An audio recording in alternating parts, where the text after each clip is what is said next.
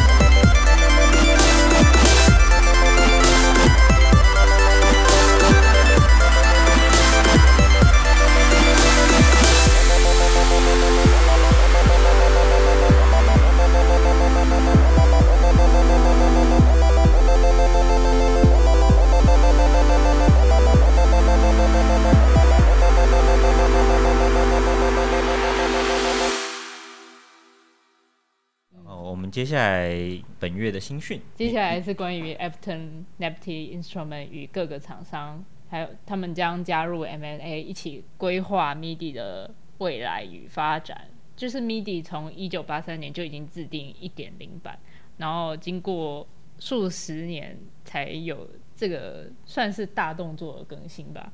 只要有在玩的人应该知道，说 MIDI 真的好久没有什么改变了。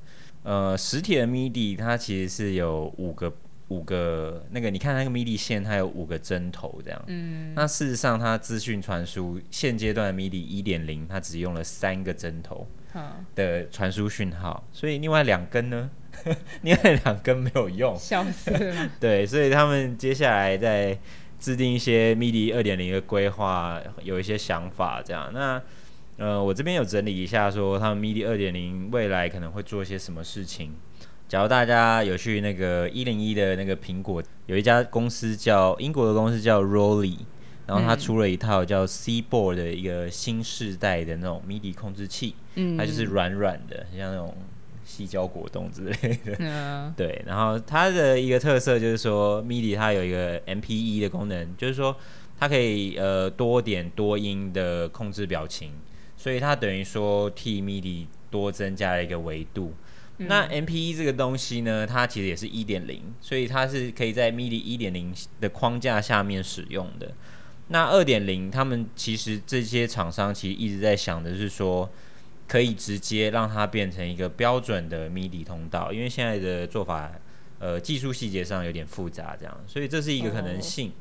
然后第二个呢，就是说 MIDI 可能呃会有一个叫 O OSC，就是嗯一个控制的通讯协定，或者是说可以在未来有可能跟一些呃电压控制的合成器做通讯，这些是 MIDI 二点零可能的发展。这样，那我自己个人是觉得蛮有趣的，但是不是很了解的朋友，刚刚讲了一堆东西，大家都会五煞五煞煞这样子。对啊。反正我们就接着看说，但我对一个影像，在网络上一个影像非常印象非常深刻。他们在现场没有 MIDI 线吧，然后他们就用三根筷子，然后接那个线，然后就直接插在那个 MIDI。也不是筷子，就是那种竹细竹签，然后跟另外一个细竹签对接，真的是很屌的一个。所以可能之后那两根不见之后，看说他们在反正他们之后要用要用五根牙签了。哦，真是为难大家是了。很为难大家。好，那下一则新闻是 Brainhanger，呃，这个礼拜的新闻非常新，他们前几个月做了非常多的跟各个厂商的致敬活动，这样子，像说不管是 Moog 啊，或是 Roland 啊，然后 ARP 啊，这些公司都是被 Brainhanger 致敬的对象，这样子。那这礼拜最新的消息就是说。Brainhanger 要推出一台机器叫做 RD 九零九，明眼人都看得出来，这是经典 Roland 九零九古机的一个复刻版本，这样子。哼，那这个消息一出来之后呢，马上又有另外一个消息，就是说他们要推出一台叫做 MS 一零一 Roland 的一台合，也是一台经典的一零一合成器，这样子，一直复复制，一直复制，复制这样，就像哦，复制人？一样。我们谈共哦。好啦，接下来是什么呢？接下来是本月份，十一月份有一些海外的活动，跟一些朋友分享。这样就是，假如未来啊，明年你有机会在十一月去这些国家的话，可能可以去参与这些音乐性的活动。讲心酸的这样，对，讲心酸的，因为都没去啊。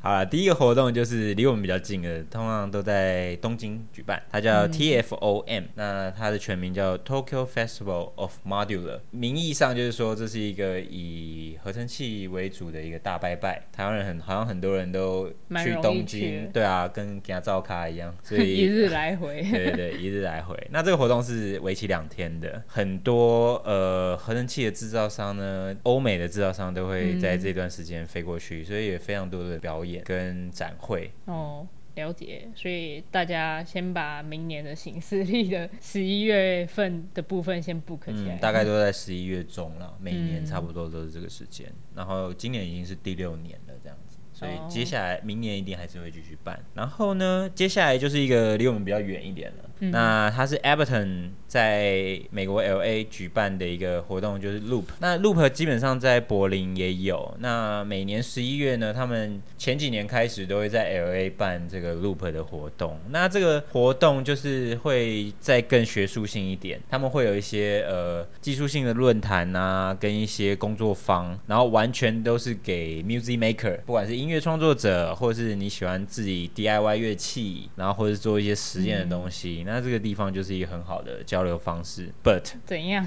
这个活动是一个你需要甄选的，你需要呃上传自己的歌曲啊，然后提供一些自己的简历，嗯，然后被抽中或者是被挑选到，你才有机会去参加。用抽的也太伤心了吧？嗯，对，他他的那个参加人数非常多，所以他们就是因为他们也没有细讲到底是甄选还是用抽的，但是有第二个 but，怎样？我都要翻页了，就是他的门票其实还铺蛮。个梗，这边他的铺那么他的门票还蛮贵的啦，就是他的门票、哦我刚还以为三百五十块台币，没有，我在稿上面写的是三百五十块美金这样。进入门槛其实蛮高的，但是假如你是学生、或是有一些特殊条件的话，它是有一个便宜的门票给你，但哦为数不多这样子。好，这是以上我们唉，讲心酸活动。讲心酸活动，对，嗯，那接下来来听一下破地狱的歌曲。那他们最新出的一个黑胶专辑叫做《盲神》，然后我们现在要播的这首歌叫做《王良》。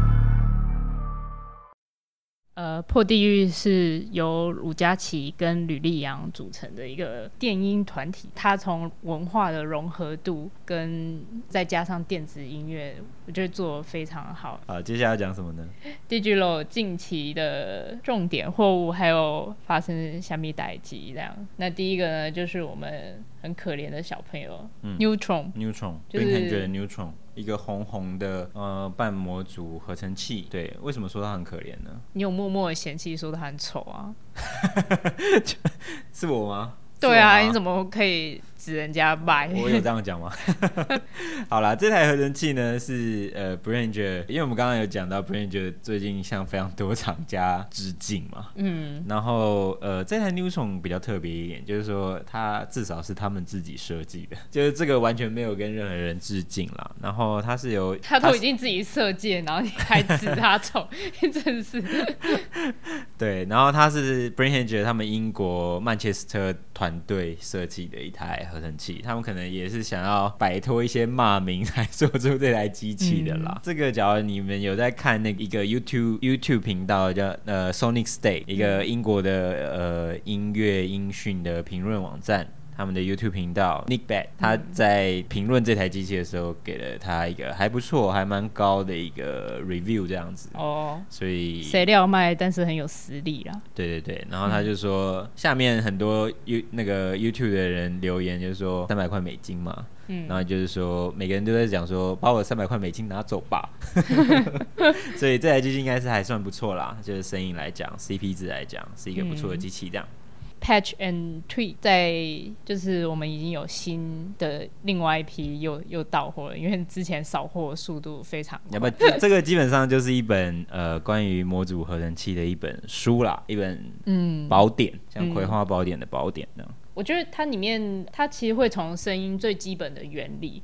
然后一直到合成器的元件怎么去 mark，怎么去连接，到去访问艺术家、工程师啊，然后还有一些厂制作厂家等等，都写的非常详细。但它详细也不是说很拗口的那一种，它的文笔是很好阅读的。嗯，因为他上一本书叫《Push Turn Move》，那本书是有点像是给设计师看的一本书，就是说介绍了非常多乐器的界面，然后还有软体的界面，告诉大家说哦，音乐这音乐产业这个东西 UI 啊，然后 UX 啊，使用者体验啊、是怎么样，有点像偏设计类的书。上次那本书我们也卖的非常好，然后但是有些音乐人买了之后就觉得，嗯，啊，这类不是我想看的呢。然后所以这一次的嗯 Patron Tweak 呢，非常的音乐，这样就是音乐性很高，然后它就是完全在讲合成器声音设计的各种原理，还有一些这些音乐人怎么使用这些东西。所以这本书目前我们也卖的非常好。据那个作者，因为我有跟那个作者联系嘛，因为我要跟他订书，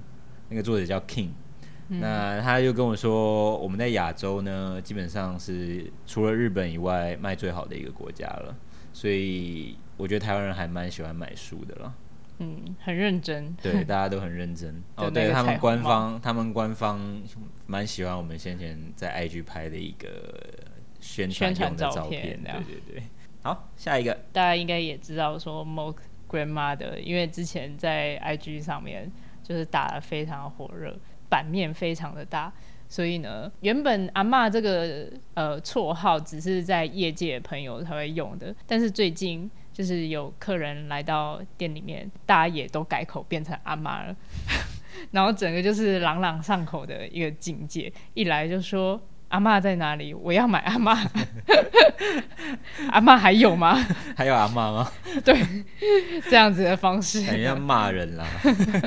对，不过这个这个阿妈的梗应该是从那个木格的呃先前的几台机器演化过来的啦。嗯因为他们在先前的几台机器，一台叫 Mother Thirty Two 妈妈三十二，然后再接下来一台古机叫做 Drummer from Another Mother，就是 就是他们是一个家族系对一个，家族系列，所以现在 Grandma Grandmother 出来了，不知道未来还会出现什么东西。以后应该要追根究底，到底 mother 是 是是怎么来的，才会知道 grandmother 怎应该是么来的吧？万物的母亲吧，这哦种、这种概念。你是掰的还是真的？我是掰的，好，那因为我们现在都讲到了合成器，最近美秀集团第九小店里面有放他们的专辑设计，还包含他们自己制作的合成器。所以等于是说你买了乐器也买了合成器，这样对啊。然后他们好像在那个集资平台上的那个活动，先前在集资平台上的活动好像非常成功。这样然后很多人想要买那个他们自制的乐器，目前好像也是听说买不太到。对啊，但好像在等下一批的样子。对，那我们就一起来听听看这首歌吧。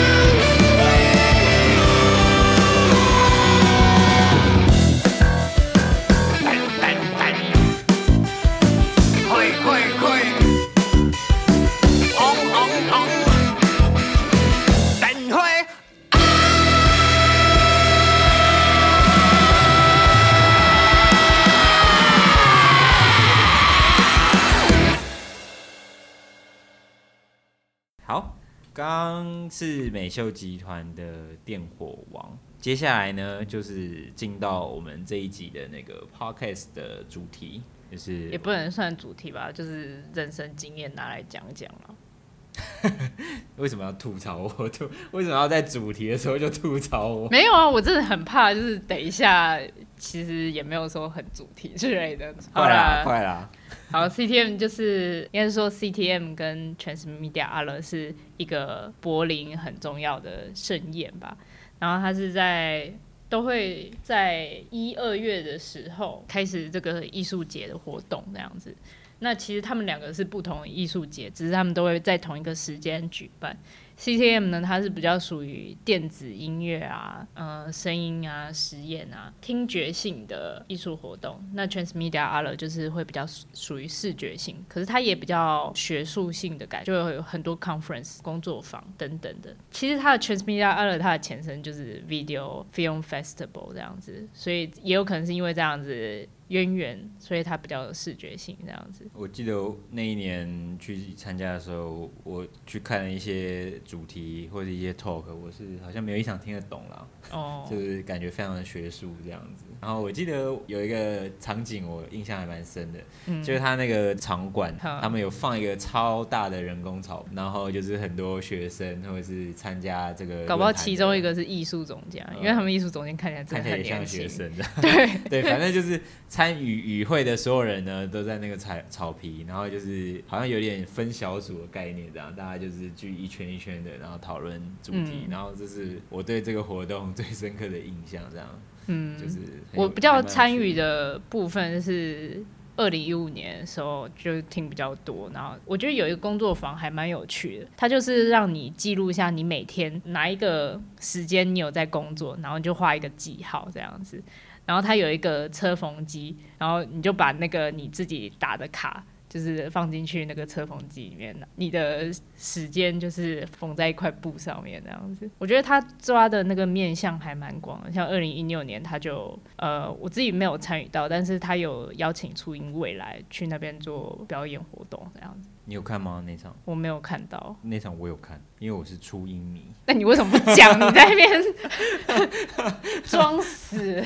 不过他的那个，他就是那场表演，他就是他唱了一首歌是《Still Be There》嘛，这他是比较是示范型的演出啦。呃，在舞台上他们架了一些奇怪的玻璃，嗯。做做那个三 D 投影，这样就好像他一个真人仿真大小的一个初音嗯，在舞台上这样子，嗯然后结束之后大家还可以去舞台上看这样子。哦，他可以跟就是观众对话吗，他没有要互动，他只是说让你可以看他的结构是那个投影的怎么做的投影结构没有，但是他只能在投影幕，就是那个玻璃的前面，嗯就是观众不能走到后面去这样子，就是哦只能近距离的接 触你一下啦。说可能会跟初音重叠到这样。之类的，或者是可能会变会变会变虚拟世界。那除了初音呢？初音以外，你还有我忘记是不是同一年了，但是它其中有一年在 CTM 的展览的部分有一个墨西哥艺术家，那我等一下再，因为他名字在我才发不准，但是我等一下会我们会把一些连接列在这个 YouTube 的底下这样子。那那个艺术家他是把墨西哥的一些枪械啊、武器啊，然后再重新改造，然后变成一个。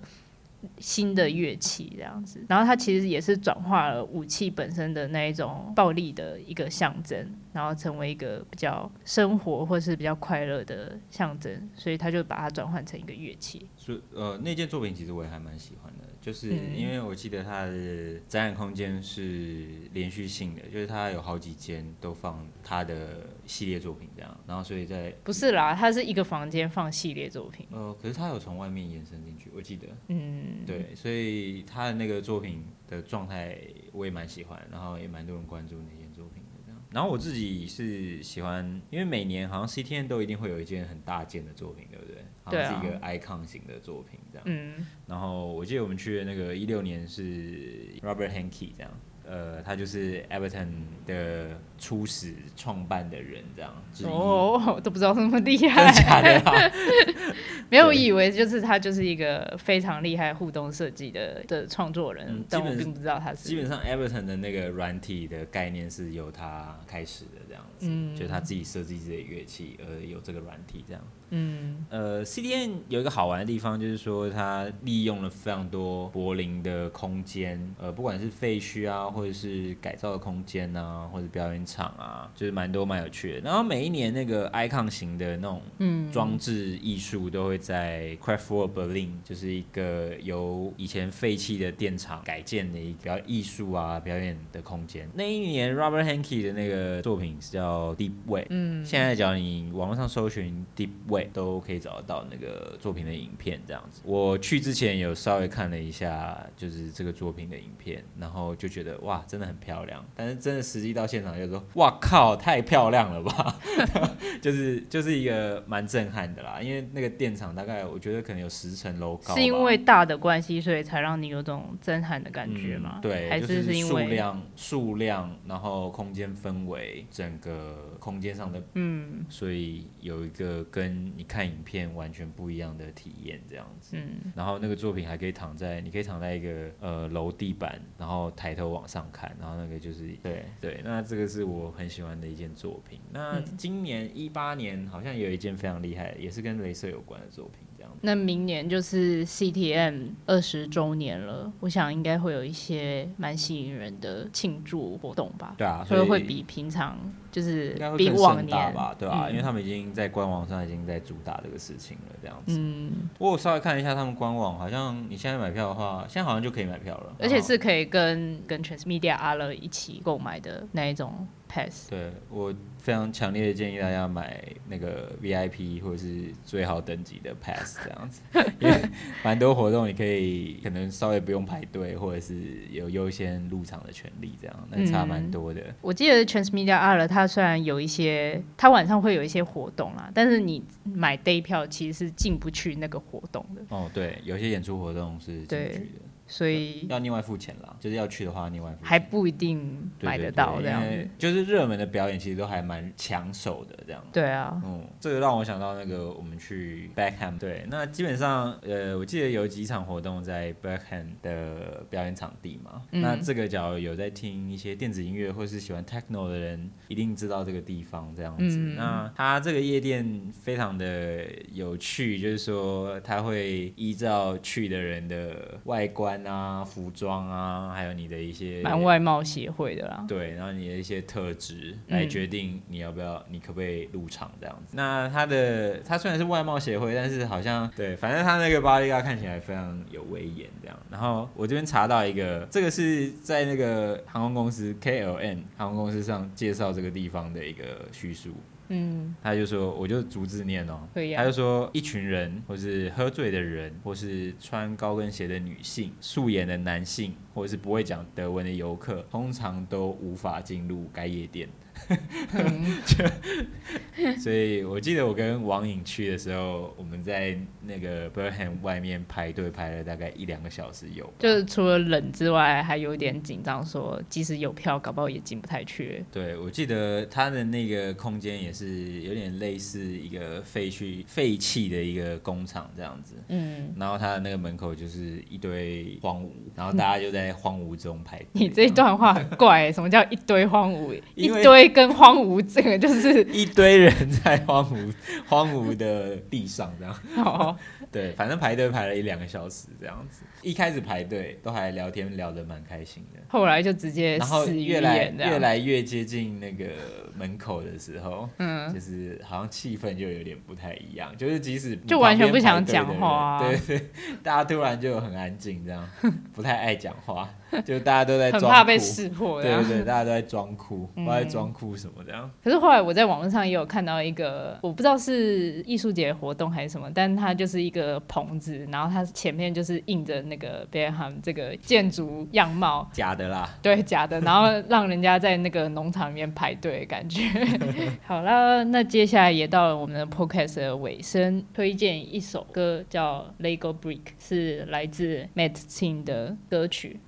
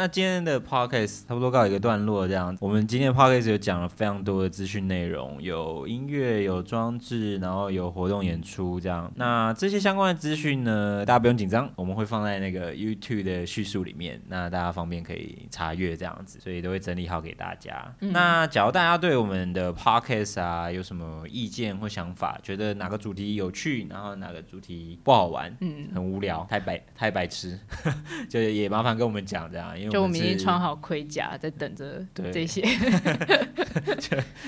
赤裸裸的啦，就是就是有穿盔甲，你还讲赤裸裸？我赤裸裸啦，你穿盔甲啦。好那基本上就是说，大家有什么想法的话，都非常希望大家可以提供给我们意见，这样子。